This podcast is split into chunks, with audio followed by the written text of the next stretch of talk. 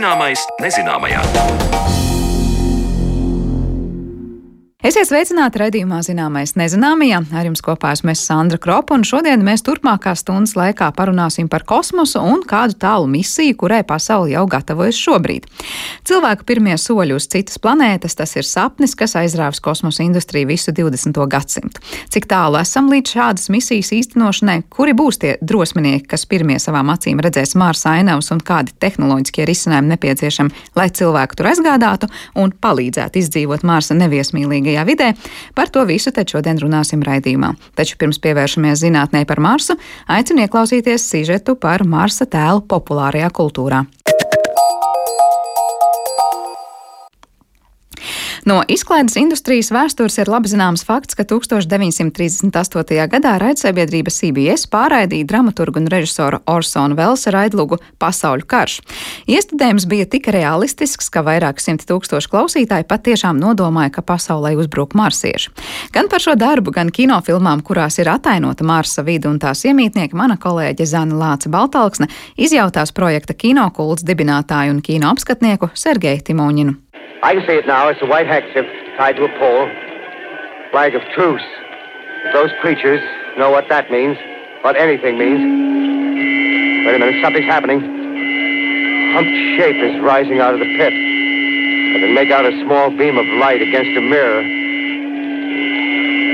What's that? There's a jet of flame springing from the mirror and it leaps right at the advancing men. It strikes them head on. Lord, they're turning into flames.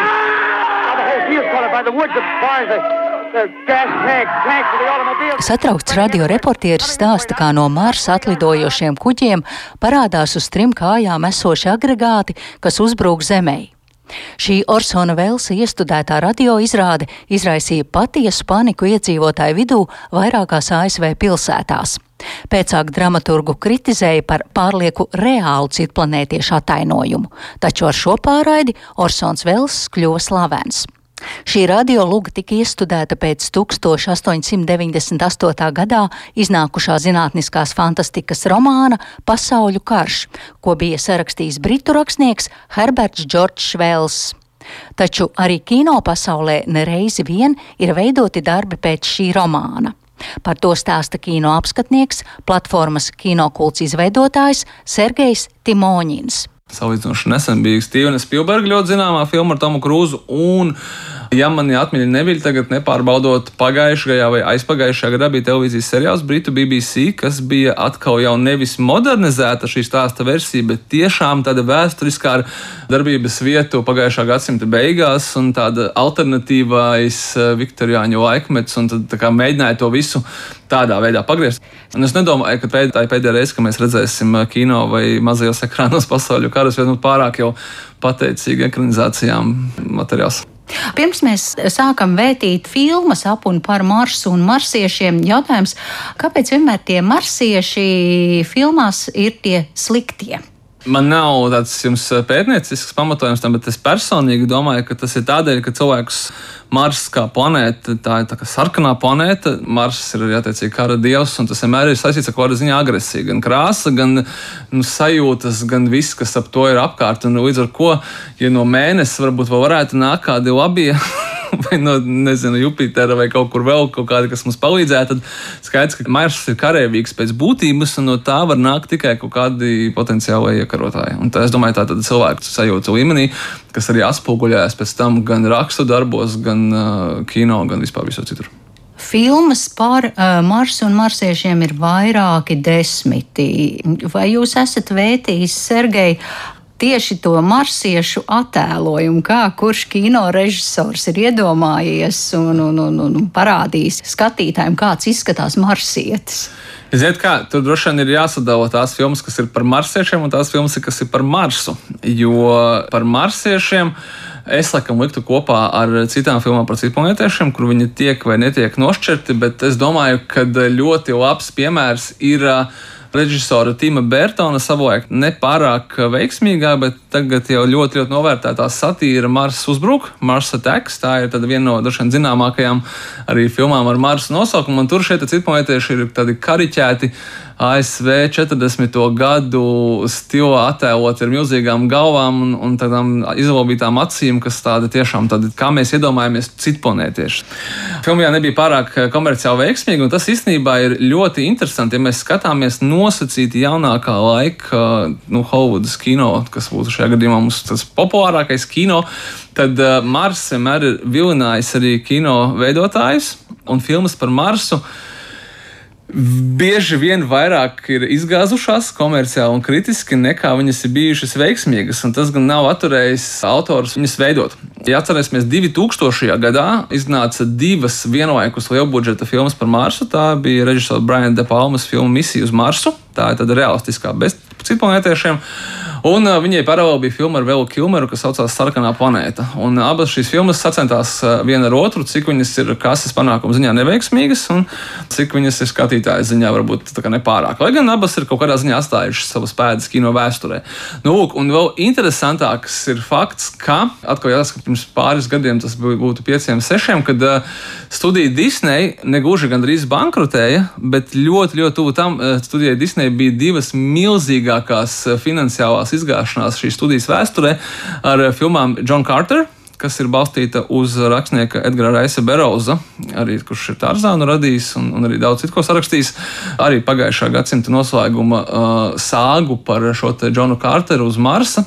Un, tā ir jā, viņam viena no visu laiku lielākajām finansiālajām neveiksmēm, diemžēl. Uh, Pat ja viņi pēdējā brīdī īstenībā zinot, ka eh, filmas par Marsu nav populāras, viņi eh, filmu John Carter of Mars pārsauca vienkārši par John Carter un aizvāca vārdu Mars projām, tas gan nepalīdzēja. Un uh, viņiem bija tajā pašā laikā animācijas filma Mars Need Moms kura, manuprāt, Latvijā pat nav demonstrēta, jo viņai bija vairāki simti miljonu dolāru zaudējumos priekš studijas. Respektīvi, filmas par Marsu, nezinu, neskādu iemeslu dēļ, ir bieži vien katastrofāli neveiksmīgas. Te pašā laikā šo te lāstu, ja tā viņi var teikt, lāza režisors Ridlijs Skots ar savu 2015. gada filmu Marsietis, kas bija ārkārtīgi veiksmīga, kas bija ļoti mīlēta no skatītāja puses un kas izpelnījās gan Oskarus, gan arī diezgan daudz nominācijas. Un arī ne tikai šajā kino balvā.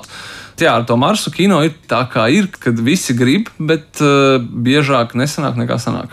Nepārāk augstu tika vērtēta arī 1979. gadā uzņemtā izklaidējošā franču versija par Marsu - filma Žandarms un marsieši ar izcilo komiķi Luiju Definesu galvenajā lomā.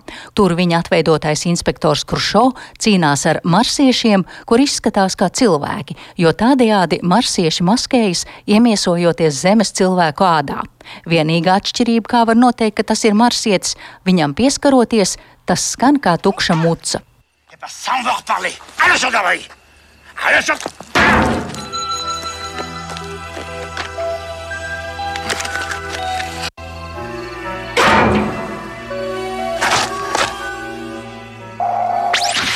Tāpēc turpinājumā vaicāja Sergejam Timoņinam, kurā filmā viņa prāt ir visprecīzāk atainoti marsieši. Ziniet, kā es laikam teikšu, ka uh, realistiskākais, vai teikt, realistiskākais attēlojums man vajadzētu zināt, kā izskatās marsieši, bet es diemžēl to nezinu. Es varu tikai iedomāties un kaut kā racionāli pamatot šīs savas iedomas. Bet, ja man būtu jāsaka, kura filma man pārsteidza, patīkami vai realistiskā noslēdzē, bija zinātniskās fantastikas filma The Arrival atnākšana, ja nemaldos, viņa saucās latviešu, jo tur šie citplanētieši bija atveidoti kā Tādas kaut kādas tā kā masa, tāda noteiktas formas. Respektīvi, es iedomājos, ka, nu, ja mēs gribētu iedomāties, kāda viņi tiešām varētu būt, es ļoti šaubos, ka viņi varētu būt cilvēkveidīgi. Visticamāk, viņi ir pilnīgi ne tādi, kādi mēs viņus varam iedomāties, un ļoti maz atgādina cilvēkus.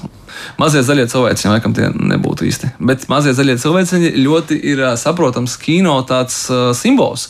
Ja tu gribi parādīt marsieti un izstāstīt kino stāstu, kurā teiksim, šie te marsieši piedalās un kaut ko viņi dara un kādā veidā ietekmē varoņus, ja tu viņus parādi kā mazos zaļos cilvēciņus, tad uh, skatītājiem ir skaidrs uzreiz, ar ko mums ir darīšana un kas tagad notiks. Tev nav papildus jāskaidro, kāpēc teiksim, tas ir kaut kāds pūslis, kurš vienkārši pārvietojās. ja mēs skatāmies, kā marsieši parasti kinofilmās tiek attēlot, kā viņi nonāk uz Zemes, vienmēr ir, man liekas, tur desmitgadēs tajās filmās tie lidojošie šķīvīši. Jā, interesanti, kāpēc režisors seko šim vienam tēlam. Nu, tā es domāju, ka tas ir kaut kāds kas ir droši vien iesakņojies ļoti popkultūrā, tie lidojošie šķīvīši, arī droši vien jau sākot ar Velsa kungu kuram gan bija citādāk mazliet. Viņi tur tika projicēti uz zemes tādiem, tā kā pareizi atceros, stāriem, respektīvi mazliet citādāk.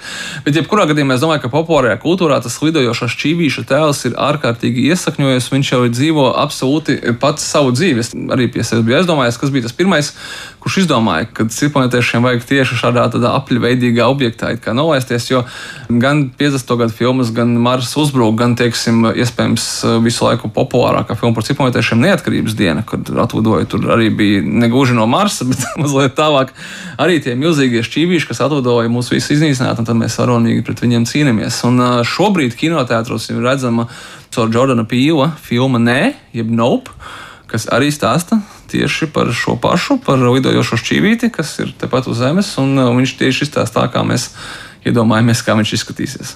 Tā kā tas temats joprojām ir ļoti, ļoti aktuāls.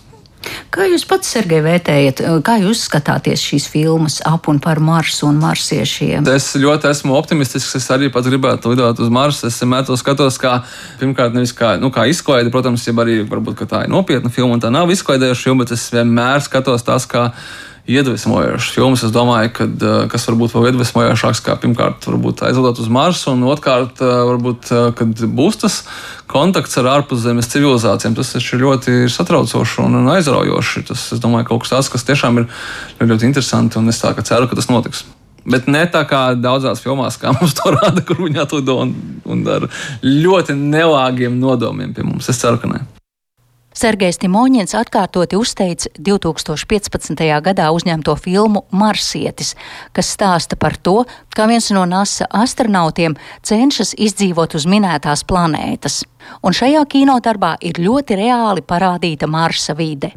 Esmu pateicīgs, tā var teikt, eh, filmas Marsietas veidotājiem par to, ka cilvēki tiešām parāda, kā varētu būt. Un eh, ļoti daudziem cilvēkiem es domāju, ka tas tiešām varētu būt ļoti iedvesmojošs filmas. Teiksim, es būtu varbūt stipri, stipri jaunāks un redzētu tādu filmu kā Marsietis, kur man parāda, hei, tas ir iespējams, re, kur ir kosmosa kuģis, viņam varbūt ir nezinu, stiprāks dzinējs, lielāks kaut kas vēl, un uh, tu vari tikt uz to Marsu, un tā tas tiešām varētu notikt. Manuprāt, daudzus tas varētu iedvesmot, tiešām iet un studēt, un mācīties un attīstīt šo kosmosa zinātni daudz vairāk, varbūt nekā zvaigžņu kari vai kaut kas tāds, kas ir ļoti uzskatāmi nerealistisks, teiksim tā.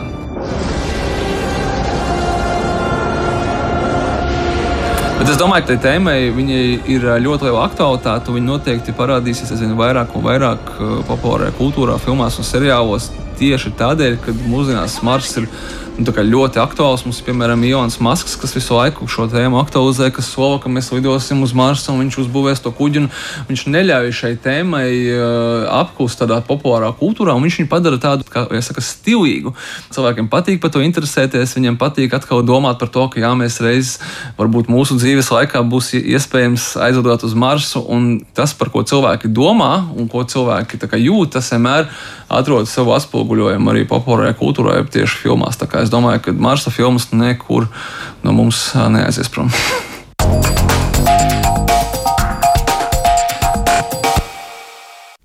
Dzirdējām Zanes Lācis Baltalksnes sagatavoto stāstu par Marsa atainojumu kinofilmās, bet par to, kad reālajā dzīvē spērsim pirmos soļus uz mums tuvās planētas saruna pēc brīža.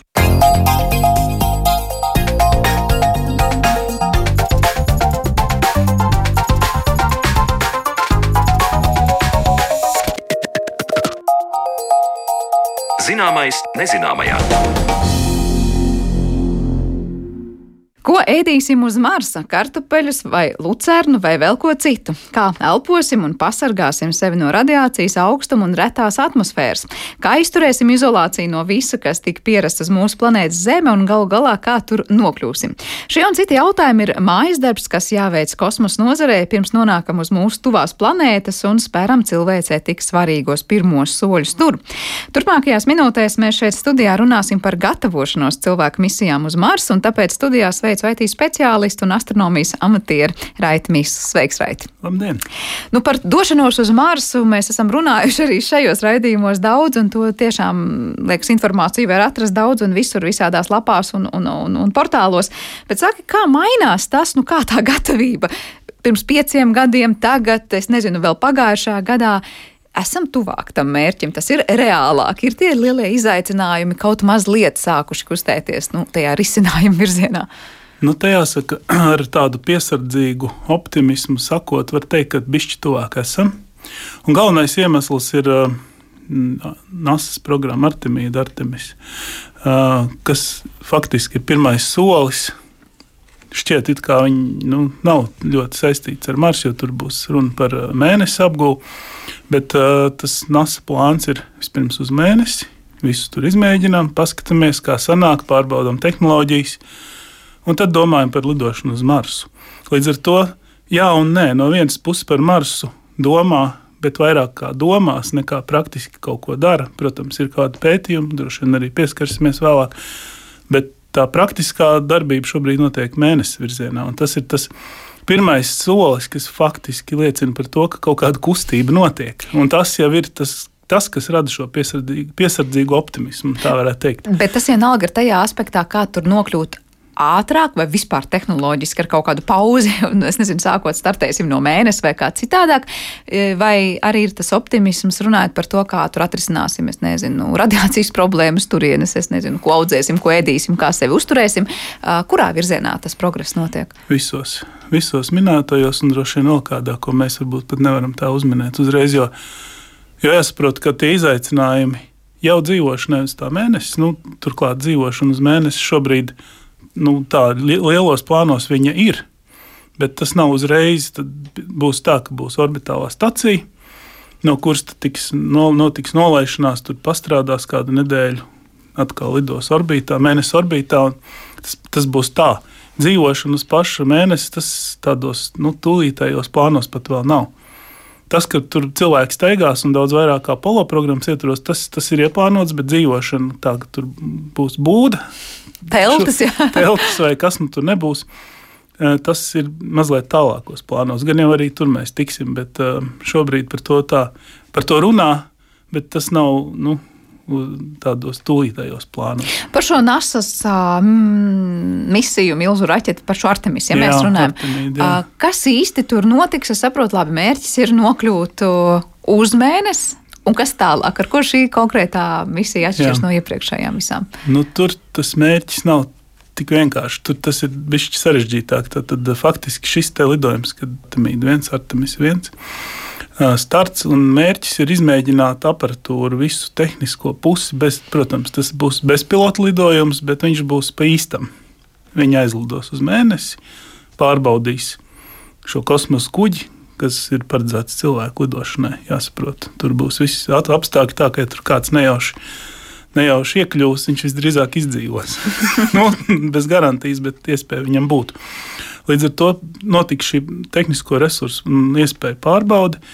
Un tad ar Artemis, Artemiju 2 notiks jau pilotējums mēnesis aplidojums. Tas ir nākamais plāns. Un tad eh, pēc tam priekšu jau ir doma, kad varētu notikt šī nolaišanās uz mēnesi. Bet tas arī nav tik vienkārši, ka iekāpjam raķetē, aizlidojam. Pirms tam jāizveido šī mēnesis uh, orbitālā stacija Lunar Gateway, kas būs tā vieta, no kuras notiks šī nosēšanās. Jo tur būs nolaižamie aparāti, kas ir pasūtīti, bet vēl nav uzbūvēti. Un arī pati stacija ir tikai uz, uz rasējuma dēļiem. Līdz ar to tas viss nav tā, ka iekāpjam un aizlidojam kā bija Apollo, kad visu ved līdzi bet ir nu, sagatavošanās, vēl darba daudz priekšā. Bet, ja mēs paturam prātā, ka tiešām no Apollo jau patiesībā daudz ko izdarīja no tā, ko tu minēji, Jā. aizlidoja, aplidoja, nosēdās, Jā. atlidoja atpakaļ.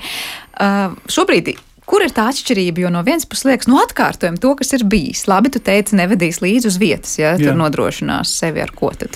Ar... Nē, vairāk ne tas, ka šobrīd nav plānu uzreiz sākt izmantot. Tu droši vien domā, mēnesis resursu izmantošanu jau sadzīvē, ja? mm -hmm. vai arī kādiem citiem mērķiem. Tas šobrīd vēl nav tas primārais plāns par to domā, un to noteikti darīs, līdz ko tur tiks klāt un varēs kaut ko pamēģināt, kaut vai to pašu ūdeni iegūt no, no šī mēnesis regulīta. Bet um, tā doma ir tāda, ka to misiju veidot tā, lai nav, ka tu aizlido divas, divas dienas, tur padzīvo.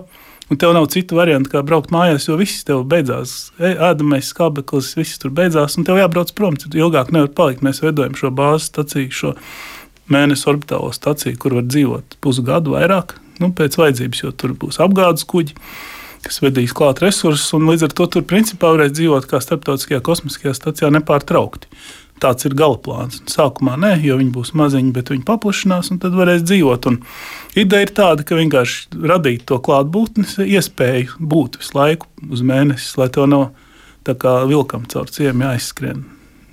Nu, jā, es pieņemu, ka šobrīd, tad, kad mums ir gan starptautiskā kosmosa stācija, kas ļauj jau saprast, nu, kā būtu jāfunkcionē apmēram tai stācijai tur uz mēnesi, jā. Ja? tā pašā laikā arī Apollo programmas jau ir bijušas. Nu, laikam ir šobrīd civilizācijai vieglāk vēlreiz varbūt šo misiju veikt un tur nokļūt un to visu izdarīt, jo it kā liekas, nu, špikers jau ir, jā, jā. vai kaut kāda iemītāta aciņa ir. Lūkosim, kā tas viss notiks, bet ja mēs šodien vairāk par Marsu runājam, jā. tad nekavēšos tālāk par jautājumiem, kā notiks tas viss attiecībā uz mēnesi, bet ja mēs spēram soli tālāk, nu, proti, tas ceļš uz Marsa ir tad, jebkurā gadījumā paredzēts, ka vienmēr tā pirmā pietura būs uz mēnesi, un tad no mēnesis startēs mm, tālāk. Vai ir, vēl ir citas versijas? Versijas droši vien varētu būt kaut vai. SpaceX gadījumā iespējams, ka starts notiks nevis no mēnesis orbītas, bet no Zemes orbītas. Bet te jāsaprot, ka SpaceX vēl nav savus plānus detalizējusi, un nekas tur vēl precīzi nav zināms. Viņi, viņi pat nav teikuši, kā viņi to darīs. Nekādu tehnoloģisko pusi nav izstāstījuši. Līdz ar to tas ir vairāk tāds nodoms. Nodomu kaut kāds ga gadījums nekā reāls darbības, jo tā raķeite jau arī ir jāuzbūvē, jāno, jāpārbauda vairākas reizes bezpilota režīmā jāizsūta kaut kur, un tikai tad ar viņu varēs lidot cilvēku un veikt kādas misijas. Bet tie, kas vienalga SpaceX vai citi domā par nokļūšanu uz mēnesi, jau saskars ar vieniem tiem pašiem izaicinājumiem, proti, šo radiāciju. Jā. Ceļam uz mēnesi. Kādi ir tie plāni, kā no tās pasargāt tos, kas tajā raķetē būs? Proti, vienalga, vai startēs no Zemes vai no mēnesis, tas jau to problēmu neatrisina. Jā, nu, tās, tās idejas ir daudz un dažādas, sākot ar kādu nezinu, ūdens čaulu izveidot, nu, ledu vai ko izveidot, kas efektīvi aizsargā pret radiāciju, vai kādu, nezinu, paņemt no mēnesis grunti, pacelt augšā un izmantot kā vairogu, visādi šādas idejas. Bet tas ir tikai idejas. Līdz pat tam, kad uh, uz vietas radīja elektromagnētisko lauku, lai nodrošinātu šo aizsardzību no šīm deņām. Bet uh, tās viss ir idejas, viņām tāda praktiska mm, nu, realizācija, īstenošana šobrīd nav, nav bijusi tikai teoretizēšana. Līdz ar to par to, kā tas tiešām būs, šobrīd var spriest tikai teorētiski, tāpēc ka nekas tāds ļoti ir zināms, kā to izdarīt. Bet tas pilnīgi noteikti nav vienkārši. Un, un tur ir jāveic daudz, daudz izpētes, un tieši tam tas mēnesis ir labs. Jo kāda ir starpība starp orbitālo staciju mēnesis orbītā un Zemes orbītā, tad mēnesim nav sava elektromagnētiskā lauka, un tur faktiski ir tādi paši apstākļi kā ceļā uz Marsu nu, radiācijas ziņā. Zemes magnētiskais lauks starptautiskās kosmiskās stacijas tos iemītniekus mazliet pasargā. Tad, tā ir tā starpība. Tad, uzbūvējot to mēnesi staciju, jā. Jā, mēs patiesībā jau būsim atrisinājuši to radiācijas problēmu pa ceļam uz Marsu. Tā varētu nu, būt. Savā ziņā, jā, no vienas puses, tad, jā, bet ne, ne tādā no fundamentālā viens... līmenī. Proti, uh, tomēr būs šīs bailes par to, ka, ja notiek uz saules liels uzliesmojums, tad, tad ko darīt? Nu jā, jo no mēneša stācijas ātri var atbēgt uz zemi. Jā. jā, var atbēgt, paspēt atbēgt uz zemi, vai arī var uh, noslēpties kādā kapsulā un nogaidīt. Bet, uh, ja tu brauks uz Marsu tur vairākus mēnešus, tad, tad ir jautājums, jo tur ir. Nu, Psiholoģiskās lietas, viss šis arī jāņem vērā. Cilvēks jau nav, nav robots, kam iekodē, un viņš dara to, kas kodēts. Ja. Jā, par to vēlreiz atgādinu, cik tāls būtu tas ceļš uz Marsu un cik ilgi būtu jālido nu, vienā ir, virzienā. Jā, kaut kādi trī, vis, vismaz trīs, pat vairāk. Tas ir jau uzbūvēta raķete, par kādu domā, tie būtu vismaz trīs mēneši, bet realistiski šobrīd tas lidojums, ja teiksim, mēs runājam par automatizētajām iekārtām, tas aizņem kādus sešus mēnešus. Pie tam tādos nu, debesu ķermeņa stāvokļos, kas ir optimāli šo, šo lidojumu veikšanai. Vēl pirms pieciem, desmit gadiem par kādu termiņu mēs runājam, vai mēs jau tad stapņojām par tām tehnoloģijām, kādas šobrīd liekas būtu reāls, un tie būtu trīs līdz seši mēneši, vai nav tā, ka mēs esam atvirzījušies no kaut kāda daudz ilgāka laika uz īsāku? Šobrīd īsti nē, visas tās tehnoloģijas, kas tiek izmantotas, ir tās pašas, kas visu laiku, tās ir ķīmiskās raķetes ar, ar kādu no pierastajiem degvielas veidiem. Un, un neko jaunu tur izdomājuši nav. Protams, arī par to domā. Un, NASA plānos jau arī ir šī vai nu jona vai plazmas dzinēja izmantošana ceļā, proti, samazinot to nepieciešamo degvielas daudzumu, bet uh, šo relatīvo impulsu, tā saucamo, palielinot, proti, ar mazāku masu nodrošināt lielāku ātrumu, lielāku un īsāku laiku līdz ar to arī, kas ceļā. Vēl mazāk par trim mēnešiem varētu būt, vai tas jau ir tas optimālais? Uh, trīs mēneši ir tas reālais šobrīd, kad mēs radītu šo nu, saukto, sauksim par moderno raķeti un to kapsulu, tad, um, tad tā varētu būt šie trīs mēneši. Tad skaties, kā grib, tie trīs mēneši visticamāk būtu vislabākajā scenārijā. Jā, tas laiks, šobrīd, ko jārēķinās. Šobrīd, jā. Tad vislielākā problēma šobrīd joprojām ir šī radiācija, bet par to tiek domāts, es saklausu, tā tad idejas ir dažādas, es jums izmēģināšu šeit pat mēnesi orbītā, jā. un tad, nu, daļēji tas varētu strādāt, tad arī ceļā uz Marsa. Es tā iedomājos, nu, tās naudas ir milzīgas, un laiks ir arī ilgs, ko iegulda tajā, lai radītu visu šīs tehnoloģijas. Nav tā, ka tiem, kas pie tā strādā, liekas, nu, kamēr nav ar pilnīgu simtprocentu garantiju atrisināts jautājums, kas būs ar to radiāciju pa ceļam. Nav jau īsti, nu, nezinu, izdevīgi domāt par to, kā radīt konkrēto dzinēju, lai tas tik ātri aiz, aizvestu mūs līdz Marsam, jo varbūt vienkārši, nu, nu ne pie kādiem nosacījumiem nevarēs no tās radiācijas sev pasargāt. Un tad liekas, nu, kāda jēga? Nē, nu, pirmkārt jau. Nu, radiācija pat par sevi nav nekas mistisks. Tā ir zināma fizikiem un arī ne tikai fizikiem ļoti labi pazīstama lieta tas ir vienkārši inženiertehnisks dabas jautājums šobrīd. Kā to vislabāk atrisināt? Jo, ko vajag darīt, ir skaidrs. Jautājums, kā to izdarīt. Kas ir tie resursi, ko vajag, kur viņus ņemt? Un, un tam līdzīgi. Līdz ar to par to nav šaubu, ka viņš tas jautājums tiks atrisināts. Nu, tā vai savādāk. Varbūt mēs uztaisīsim jaunu ģenētiski modificētu astronautu paudzi, kas vienkārši būs noturīga pret radiāciju. Daudziem nepatiks tas, ko es saku, bet tā ir viena no opcijām kas šobrīd nav reāla, bet paskatoties simts gadu perspektīvā, es domāju, pilnīgi reāla opcija. Un, un tad, tad, tad tas vispār būs cits jautājums. Jā, nu, līdz ar to tā ir tāda no vienas puses, jā, no otras puses tāda cilvēka, kas jau ir ar kuru gēnos ir notikusi iejaukšanās, jau dzīvo līdz ar to. Nu, jā un nē. Jā, kas būs gatavi braukt uz turieni? Mēs, protams, atceramies, ka arī tad, kad te bija visi šie uzsaukumi par Mars One misiju, kad arī mūsu pašu latviešu vidū bija cilvēki, kas ļoti labprāt gribēja tur doties. Šajā gadījumā mēs runājam par tiem, kas dosies uz Marsu tīri tādā zinātniskos un praktiskos nolūkos, tie būs profesionāli astronauti. Jā. Vai mēs runājam arī par to, ka būs kaut kādi brīvprātīgie, kas vienkārši mēģinās skatīties, kā ir būt uz Marsa? Nu, te uzreiz jānošķir divas lietas - kolonizācija no, no tādas. Nu, zinātniskas izpētes un tādām izpētes misijām. Protams, NASA par Marsa kolonizāciju nerunā, par otras eh, cilvēku apdzīvotas planētas saka, apgūšanu ne, nav runa. Ir runa par izpēti, par to, kā aizlidot, mēnesi padzīvot, paskatīties, uzzināt. Protams, geologi tur būtu stāvā sajūsmā, jo viņi varētu tur pastaigāt un parakņāties. Varbūt arī jau dziļāk, ja nu tāds vērķis būtu līdzi.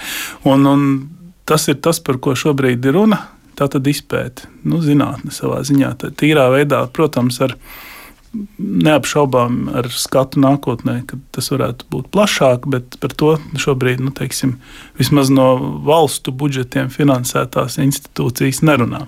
Cita lieta par uh, Masku un tas minētais Mars One, kas izrādījās beigās tāds joku projekts, jo viņi arī paši atzina, kad bija bankrotējuši, kad īsti nopietni jau tas pat no paša sākuma nebija. Bet nu, Ilons Masks ir nopietnāks cilvēks, un viņa plānos visdrīzāk patiešām ietilpst arī šīs kolonijas izveide kaut kad. Nebūsim jau nu, baigi optimistiski. Tas ātri nenotiks, bet uh, kaut kad visdrīzāk viņš, ja ne viņš, tad kāds viņa pēctecis to izdarīs. nu, tas tā. Bet tas, ko grib izdarīt uh, NASA misijas, tātad ar savu pētniecības projektu, ir vairāk saprast uh, Marsa nezinu, geoloģiju, apstākļus. Kas ir tie galvenie jautājumi, ko grib noskaidrot? Jo bieži izskan, mums jau tur ir virkne tehnisko ierīču, kas mums Jā. iedod ļoti labus datus, vai tur tam cilvēkam pašam maz ir jābūt. Un tas vairāk ir bijis vienmēr tāds nu, tā klātbūtnes efekts sajūta. Jā. Jā, nu kā saka, mūsu sarunas eh, laikā šobrīd tur pa virsmu braukā trīs visurgāji, un orbītā ir astoņi, astoņi zondes, kas tur jau ir daži labi, ir jau vairāk kā 10 un 15 gadus. Līdz ar to jā, šī automatizētā izpēta notiek, bet um, nu, tas jau vienmēr ir bijis zināms, ka robots, lai cik viņš nebūtu labs un gudrs un visādi citādi attīstīts, nu, gudrs nedrīkst teikt, viņi, tāpēc, ka viņiem nav smadzeņu. Bet, um, ne Nu, par, to, ne par to runa. Runa ir par to, ka cilvēks jebkurā gadījumā varēs pamanīt kaut ko tādu, ka, ko robots palaidīs garām, un arī robots, tas operators. Kaut kāda iemesla dēļ nepamanīs. Varbūt tur vajag apiet ap stūri, un tu ieraudzīsi to Marsa vaboļu koloniju. Nu, es tagad smējos, ja tādas tur nav. Bet, nu, Nu, principā, katrā ziņā kaut ko jaunu un pārsteidzošu. Katrā ziņā tie atklājumi, ko spēj veikt cilvēks, teiksim tā, ja tur cilvēki nodzīvos mēnesi, tas būs droši vien kā desmit gadu robotiem. Nu, es tā ļoti, ļoti no pirksta sūcot to novērtējumu, bet nu, ideja, lai Idejas, saprastu. jā, lai gan precizitāte un nezinu, ne, nenogurstošais darbs, tur, protams, līderi būs roboti. Un, Jā, ā, protams. Nu, vairāk kā skaidrs jāstrādā kopā. Pat ne paši roboti, bet tie cilvēki, kas viņus no zemes uzrauga. Un tā ir tā, tā lieta, ko jāsaprot. Paši roboti jau nekādas atklājumus neveic. Nu, protams, jā, bet nu, katrā ziņā viņi ir tie rīki, ar tā. kuriem šie atklājumi notiek. Jā. Jo cilvēks to 24, 7 vienādi precīzi nevarēs Nē, strādāt. nē. Robots to var, bet nu, vairāk kā skaidrs, Jā. ka jāstrādā kopā gan robotiem, gan cilvēkiem. Jā. Ja par to vidi, kurā nāksies dzīvot, nu, cerams, kaut kad šiem te kaut vai NASA sūtītiem astronautiem, ar ko ir jārēķinās, lai tur to mēnesi nodzīvotu. Kā tas šobrīd tiek nezinu, pasniegts? Un tad, ko elpos, kur pārvietosies, kā, ko audzēs, ko ēdīs? Nē, nu nekas jau viņiem daudz neatšķirsies no tiem apstākļiem, kāda ir kaut vai tā pašā kosmiskajā stacijā. Nevar jau izdomāt neko daudz labāk. Tev tāpat ir jāēd, jādzer un jākārto savas dabiskās vajadzības attiecīgi. Šīs lietas vairāk vai mazāk, nu jāsaka, pat var teikt, vairāk jau ir atrisinātas. Jo To jau cilvēki dara gadu desmitiem. Tas notiek labi mikrogravitācijas, tā sauktā bezsvaru stāvokļa apstākļos, bet nu, uz tā paša Marsa labi ir viena trešdaļa Zemes gravitācijas, kur principā jau nekāda liela starpība jau nebūs. Nu, tāpat tur ēdīs un dzers un neko jau tur neizdomās. Bet jautājums, protams, par to, ko un kur to ņems, un vai vedīs līdzi, vai uz vietas audzēs, vai, vai ražos, vai kā tas būs. Tie Bet ir jautājumi. Cik reāli ir tā uz vietas audzēšana, ja, piemēram, tā misija ir izveidota un tagad mēnesis tur tikai būs cilvēki, un pēc tam varbūt atkal paies gadu desmit, kamēr tur nākamie aizbrauks? Proti, tiek domāts, kā jau tiem astronautiem, kas tur būs to mēnesi, tikai varbūt. Es nezinu, filmas skadrināt, protams, Jā. prātā audzēs kartupeļus un vēl kaut ko. Vai tas vairāk tiek domāts par to, ja nu kādu dienu tur nodo- dodas tie cilvēki, kas ir gatavi kolonizēt Marsu un dzīvot tur nu ilgāk? Uh, jebkurā gadījumā tā, tas plāns ir tāds, ka, ja kāds uz turieni dosies, cilvēks, tad tur uz vietas jau būs gatavs viss, kas ir nepieciešams, lai dzīvotu un lai tiktu mājās. Bet kas to būs Un sagatavojis? to ap kuru būs laiku? sagatavojuši roboti, protams. Tas būs automatizēts, robotizēts misijas. Tātad, kur dzīvot, aizsūtīs tur māju. Es smējos, bet nu, kaut kādu bunduli, kur dzīvot. Ā, Atgriezties atpakaļ, aizsūtīs raķeti, kas spēj no Marsa pacelties Marsa orbītā. Viss šis būs sagatavots. Būs jau, ja nolems degvielu ražot uz vietas, tā jau būs saražota. Mucā stāvēs blakus raķetē. Vajadzēs tikai pielikt šļaukas, smējos tagad, un uzpumpēt un aizbraukt um, mājās. Uh, Līdz ar to tas ir plāns, kā to visu īstenot. Dārgi, protams, bet tas nav nekas arī tāds nu, mistisks. Tas viss ir izdarāms. Inženiertehnisks dabas jautājums, principā. Kā tu tur ir tas plāns to degvielu dabūt, vai tos, es nezinu, ko izaudzēt, lai būtu ko ēst, ko roboti jau varēs izaudzēt un sagaidīt turienes Nu, es te- ieceļotājus? te- jā, jūs jau arī man te nu, nu, devāt tādu norādi, ka ir vei- veikts šis eksperiments, kur zinātnieki simulē šo Marsa grunti, radīja pēc iespējas līdzīgu tam, kā, kādu, varētu uz Marsa dabūt. Un te bija tas augstā sējas lucerna, kas tur izauga. Viņam neko nevajadzēja, viņš tur izauga tajā augstnē. Pēc tam viņi paņēma to lucernu, sasmalcināja, ie- ieāra tajā zemē un izmantoja kā mēslojumu. Un tad jau varēja redzēt rāciņus, redīs, salātus. Un, un tas darbojas. Tas ir pārbaudīts. Protams, ne ar Marsa gruntu, jo mums nav paraugu šobrīd uz rokām, kā saka. Bet, bet eh, nu, tās sastāvs ir diezgan labi zināms. un Līdz ar to arī šī simulētā grunts bija diezgan tuvu tam, kāda viņa uz Marsa ir. Bet labi, grunti mēs varam nosimulēt šeit, bet pašus tos apstākļus, to mikrogravitāciju, daudz ko citu. Kā tas ietekmēs to, kas tur aug un neaug un kā aug? Augu augšanai. Cik man zināms, arī bezsvaru stā- stāvoklis nav bīstams. Viņa aug. Nu, jautājums varbūt kāda notiek tīri jau tā paša auga attīstība, bet augt viņa aug, un tas ir galvenais. Lai veidojas šī zaļā masa, tas redīsiņš vai kas nu tur rācinīts izaug, lai tas izaug, jo tu jau gribi to apēst. Tev vairāk nekas neinteresē, tev gribās ēst, tad tu gribi to redīs ēst. Līdz ar to par to nav jautājumu, viņa augs. Jautājums par to, kā viņi, lai viņi nenonīkst, lai tur pietiek ūdens, jo ūdens uz Marsa, pat ja viņš tur ir, viņš nu, ir zināms, ka ir. Viņš ir sāļš, ļoti sāļš, kā sāļāks par okeāna ūdeni, cik man zināms. Un tā ir vēl viena problēma, ko risina, un arī par to domā. Tur ir izdomājuši, ka ir kaut kādas jūras mikrobs, kurš, kuru tai ūdenī tur ielaižot, un pēc tam to ūdeni izfiltrējot caur turpat uz vietas atrodamiem vulkāniskiem iežiem. Var dabūt tik tik eh, nesāļu, lai tiem augiem nebūtu kaitīgs. Un līdz ar to šis arī par to ir domāts, un arī šis jautājums. Par to jau ir savā ziņā atrisināts. Tad patiesībā atsāļošana ūdens nav problēma šobrīd uz Marsa ar tām tehnoloģijām, kas tā ir. Tā ir problēma, bet viņa ir izcināma un ir pat zināms virziens. Protams, vienmēr var kaut kādā filtrēt viņu vai ko darīt, vai, vai nezinu, tvaicēt. Bet ir arī iespēja izmantot tīrvietējos resursus, proti, tur nu, atved tikai līdz to pareizo baktēriju un vispār jau izmanto uz vietas mm. esošo. Bet ar daudzumu ūdens. Vai tas pietiktu? Ūdens daudzums noteikti uz veselas planētas. Pietiek jāatrod tikai, kur viņš tur pareizā, pareizā vietā jā, jā, jā, jātiek klāt. Bet mēs zinām tā, šobrīd, kuras ir tās potenciālās vietas, kur tas ūdens ir vairāk. Kādas vietas ir zināmas, protams, visvairāk tie ir nu, pola apgabali. Loģiski, tur kā jau Zemes, arī tur uz Marsa līdzīgi ir bijis, ka tur, tur ūdens vienmēr ir bijis ledus veidā vairāk. Arī šobrīd, bet es saprotu, ka principā ūdens ir vairāk vai mazāk uz visas virsmas, tā ir regulēta jāatrod vienkārši to jau var arī ar orbitāliem rīkiem, zondēm izdarīt, atrast, kur nu viņš tur tieši ir. Jā, to roboti droši vien var izdarīt, var izdarīt viegli, jā. Bet tu pieminēji šeit tos uh, redīsus un lucērnus, un viss jau ir skaisti, ja kaut ko tādu var izaudzēt, bet tad es iedomājos tādu tīri praktisku dienu, un ja mums te pat uz zemes kādam pateikt, nu šodien tev ir redīs, ko ēst un lucerna, nu laikam mēs līdz vakaram, nu lielā daļa no mums pateikt neizdzīvosim, jo teiksim, mums vajag kaut ko vēl. Kādi jā. ir plāni, ko vēl ēdīs tur tie cilvēki un kā? Tādu man konkrētu zinām plānu nav, bet tīri tādu vienkāršu loģiku lietojot. Gan jau kēdīs to pašu, ko mēs ēdam, vai teiksim, tā drīzāk līdzīgi kā ēda starptautiskajā kosmiskajā stacijā, jo neko jau arī tur jau neizdomās. Paņemt līdzi attūdeņot, tātad, nu, krievo tur izžāvētu, ka tur paliek tikai sausā daļa, kaut kādu steiku vai ko līdzi jau var.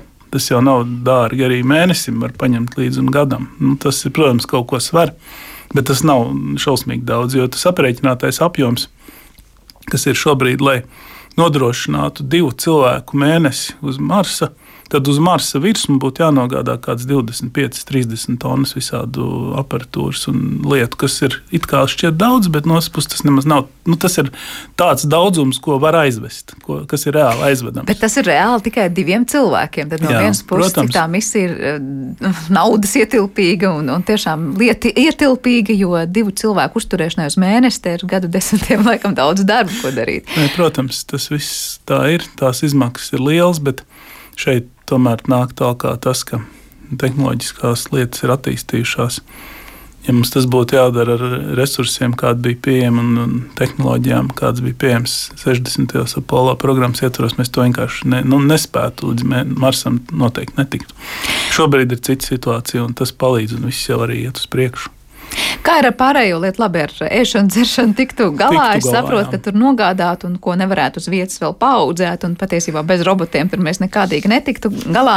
Kā ir ar pašu elpošanu, pārvietošanos, kā tas notiktu uz Marsa un kādas tur ir tās idejas, ko Jā, tas ir viens arī funda, saka, fundamentāls jautājums, jo šie cilvēki, kas dosies, viņi būs ilgāku laiku bezsvaru stāvoklī. Un, kā zināms, tad, kad cilvēks atgriežas no kosmiskās stācijas, viņam ir kāds periods, kad viņš adaptējas atpakaļ dzīvē gravitācijas apstākļos. Nu, Protams, mācās gan arī nu, staigāt. Nu. Savā, jā, ilg, ilgām misijām ir tā, ka mācās arī staigāt. Tas no, arī no personas atkarīgs. Katram jau tas savādāk, bet principā jā. Lūk, un tad ir arī par to ir domāts, un piemēram, jau ir tāds tā kā, nu, viens no iestatījumiem, ka tie cilvēki, kas tur uz vietas reāli uz tā Marsa darbosies, viņi varētu dzīvot nevis vienkārši bundulī, bet roverī, kas ir liels kaut kāds nu, vērķis, kas ir viņu māja, bet kas var braukt. Un tā ideja ir tāda, ka viņiem, lai viņi tur adaptētos pēc šī ilgstošā bezsvaru stāvokļa, kādu laiku vajadzēs, tur nu, viņi nebūs spējīgi ļoti aktīvi, nu, piemēram, staigāt ārā. Viņi nevarēs tad, lai to laiku, ko viņi tur ir patērētu liederīgi, viņi varētu tajā visur gājā dzīvot. un jau no pirmās dienas jau kaut kur braukt un kaut ko sākt pētīt. Uh, esot uz vietas, bet nu, vairāk kā kaut kādus manipulators vadot. Uh, un tad lēnām adaptējoties un sākt arī paši iet ārā un, un kaut ko pētīt. Bet, um, lai netērētu laiku tam, ka viņi atbrauc un tagad nedēļu tur nu, dzīvo spājas, tagad smējos, bet nu, principā neko nedara varbūt iziet pafučēt caur iluminātoru. Mm, tas arī viss. Un tad, tad jā, šo iespēju, ka tas viņu dzīvojamais modulis būtu tāds, kas var pārvietoties. Tāda ideja. Labi, tad, kad viņi jau būtu adaptējušies, kas notiek tālāk, tad, kad viņi iziet ārā no tā rovera un moduļa un kā citādāk, kā tur tas notiks, kāds ir plāns? Nu, tādu, ziniet, kā te var tagad ļaut vaļu iztēlē, paskatīties, kā tas filmās izskatās. Nu, laikam tā, jau tās ainas arī uzpeld šobrīd. Tās ainas uzpeld bez šaubām, un es domāju, ka apmēram tā jau arī tas izstīsies. Nu, neko jau arī jaunu neizdomās, būs kaut kāda uh, dzīvības uzturēšanas sistēma, ko mēs saucam par skafandru, un būs kaut kāda iespēja savākt kaut kādus paraugus, kādi specializētas lāpstiņas, groziņi, urbīši tur urmašīnas, ko paurbt, un viss tas jau būs. Nu, Tas jau neko arī tādu fantastisku, fantastisks varbūt būs kaut, kaut kādas jaunas idejas, kas būs īstenotas, kaut ko izdarot ļoti atjautīgi, bet, bet ne pat, pati tā darbība jau būs tāda, ko mēs spējam paredzēt arī tagad. Bet tas skābeklis, kuru elpos, tad tiks arī pirms tam jau kaut kā tur īpaši saražots, saražots? saražots no atmosfēras ir jau tagad ir tas Moksija eksperiments, Perseverance roverī, kur no Marsa atmosfēras no saražojas kābekli. Nedaudz tur laikam pietika žurkai, ko stundu elpot, bet nu, tas tāds rādītājs, bet tas ir iespējams, un tas ir pat jau pār, ir pat eksperiments bijis, un tas ir pārbaudīts, to var izdarīt. Nav tās atkal pamata bažām, ka labi, kamēr tas strādā priekš vienas stundas žurkai, ir labi, un liekas, nu, princips skaidrs, redz, mm -hmm. kur sistēma strādā, bet tad, kad reāli vajadzēs tur ļaut 24-7 elpot diviem cilvēkiem, mm -hmm. nu tad būs problēma. Nu, te ir tas knips tāds, ka līdzīga sistēma jau darbojas starptautiskajā kosmiskajā stacijā, kur, kur no tā, ko viņi tur izelpo, visi šie sviedri, viss tas gaiss, kas tur ir, to savāc un no tā ražo atpakaļ gan skābekli, gan arī ūdeni. Līdz ar to tās tehnoloģijas tur nav pilnīgi nekā jauna. Tās ir ne tikai zināmas, bet arī praksē pārbaudītas. Šis eksperiments bija vairāk ar mērķi, lai parādītu, uzskatām, ka vienkārši aizsūta kastīti, viņi sūta iekšā Marsa atmosfēru. Pat, protams, patērē enerģiju, loģiski. Tas ir vēl viens no jautājumiem, kur dabūt enerģiju. Bet beigās viņi saražo skābekli, ko var elpot, un tādā ziņā tur viss strādā. Un arī praktiski par to pārliecinājās, ka to var izdarīt. Tu jau pieminēji vairākus eksperimentus, bet saliekot tādus punktiņus uz zīmju un noslēdzot mūsu sarunu, kurus tu minētu par tiem būtiskākajiem, nu, kas jau notiek vai ir notikuši līdz šim, lai tiešām to ikdienas dzīvi tur uz vietas, uz Marsa padarītu reālāku un, un cilvēkam nu, vispār ne pat draudzīgāku, bet iespējamu. Tad šie augsnes atsāļošanas Jā. un ūdens atsāļošanas eksperimenti ir viens, ko es sadzirdu. Tad patiesībā viss tas, kas notiek starptautiskajā kosmosa stācijā, Jā, tiek pārcelts copy-paste gandrīz vai jau uz turieni. Nu, varbūt ne, ne burtiski tieši, bet jā, tā pieredze ir neatsverama. Tas ir tā ir dzīvošana ārpus Zemes. Nu, tā vienkārši runājot. Un... Bet ir atšķirība ārpus Zemes, nu, šeit Zemes orbītā Jā. vai uz Marsa? Atšķirība ir tādā ziņā, ka Zemes orbīta ir tu iekāp kapsulā un nolaidies. Mēnesis ir pāris dienu attālumā, Mars ir daži mēneši attālumā. Tā ir tā lielākā atšķirība.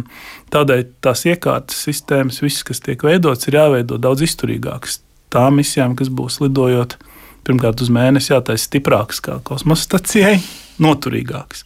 Un, savukārt, protams, lidojot uz Marsu, tur ir vēl stiprāks jābūvē. Un tā ir tā lielākā atšķirība. Tās pārējās lietas, tās jau ir niansēs. Tur ņemot vērā kādus vietējos apstākļus, tur, tur ir tāda veida, tur vietējā grunts pieejama vai šāda. Un tas, protams, arī jāņem vērā, jo grunti, piemēram, ir plānots Tas gan vairāk uz kolonizāciju attiecas, izmantot arī kā radiācijas vairogu. Tad uzpūš tur piepūšam dzīvojamo moduli un nober vienkārši ar šo ar to pietiek. Marsu grunti pietiekami biezu kārtu uzbarot pietiek. Jā. Jā, tu teici, tās ir detaļas, un savukārt atceroties arī šos stāstus, kur tu ar kolēģiem es nācu stāstījis par kļūdām kosmosā, kur ļoti bieži tās detaļas ir izrādījušās. Jā, tās, kas novad pie ļoti nu, neglītām sakām.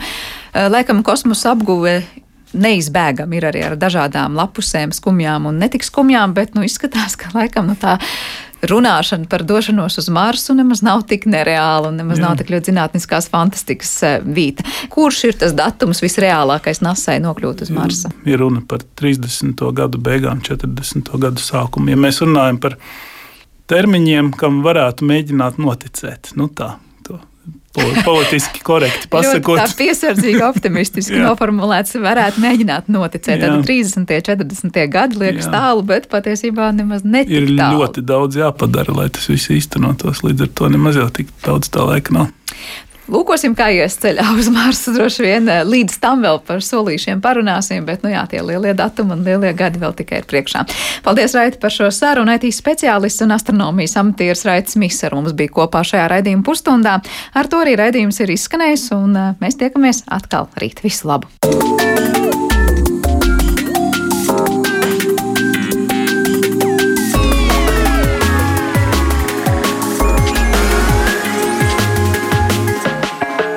Zināmais nezināmajā.